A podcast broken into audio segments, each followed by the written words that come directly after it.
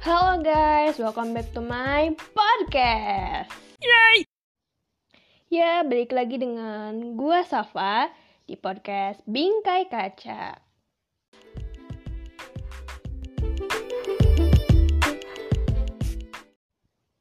Oke, seperti biasa, gue akan menanyakan apakah kamu sudah bercermin hari ini? Kalau belum, bercermin dulu yuk.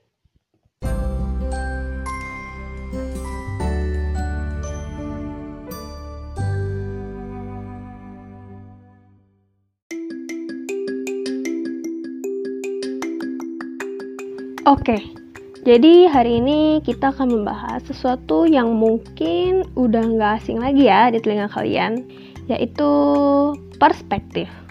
Apa sih sebenarnya perspektif itu? Ya, bener banget, sudut pandang.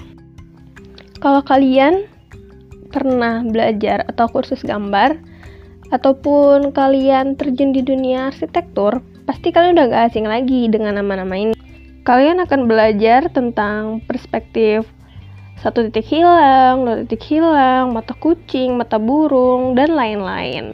Wah, ternyata perspektif itu gak cuma satu berarti ya.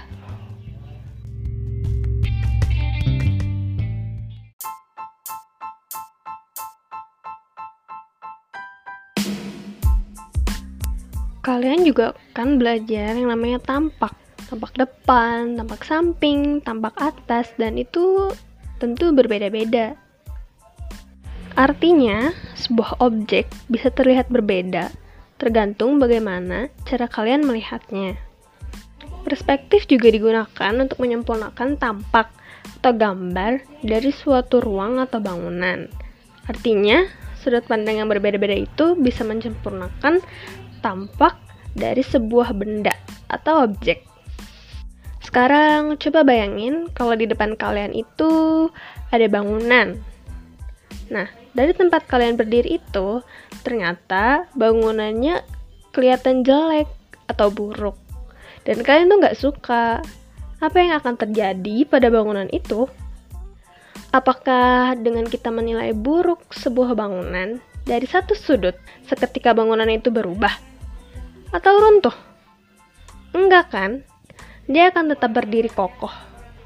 Apakah dengan kita bilang, gue gak suka bangunan ini, serta merta bangunan itu gak laku? Belum tentu kan? Kenapa? Karena selera orang itu beda-beda, dan dengan kebutuhan yang berbeda-beda pula. Nah, begitu pula dengan kalian.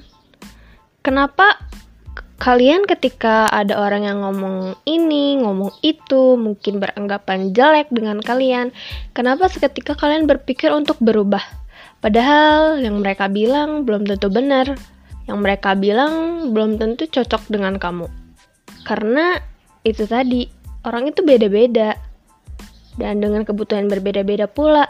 Dan kalian juga jangan serta-merta langsung down, ngerasa jatuh ngerasa kalau kalian itu payah banget. Kalian itu gak bernilai lah. Nah jangan kayak gitu. Jadi kalian jangan takut dengan keadaan atau kondisi kalian yang sekarang yang seperti itu kalian gak akan punya teman. Karena pasti ada aja kok yang mau temenan sama kalian kalian hanya perlu jadi diri sendiri. Kalian harus percaya sama diri kalian sendiri. Karena kalau bukan kalian, siapa lagi yang mau percaya sama diri kita sendiri?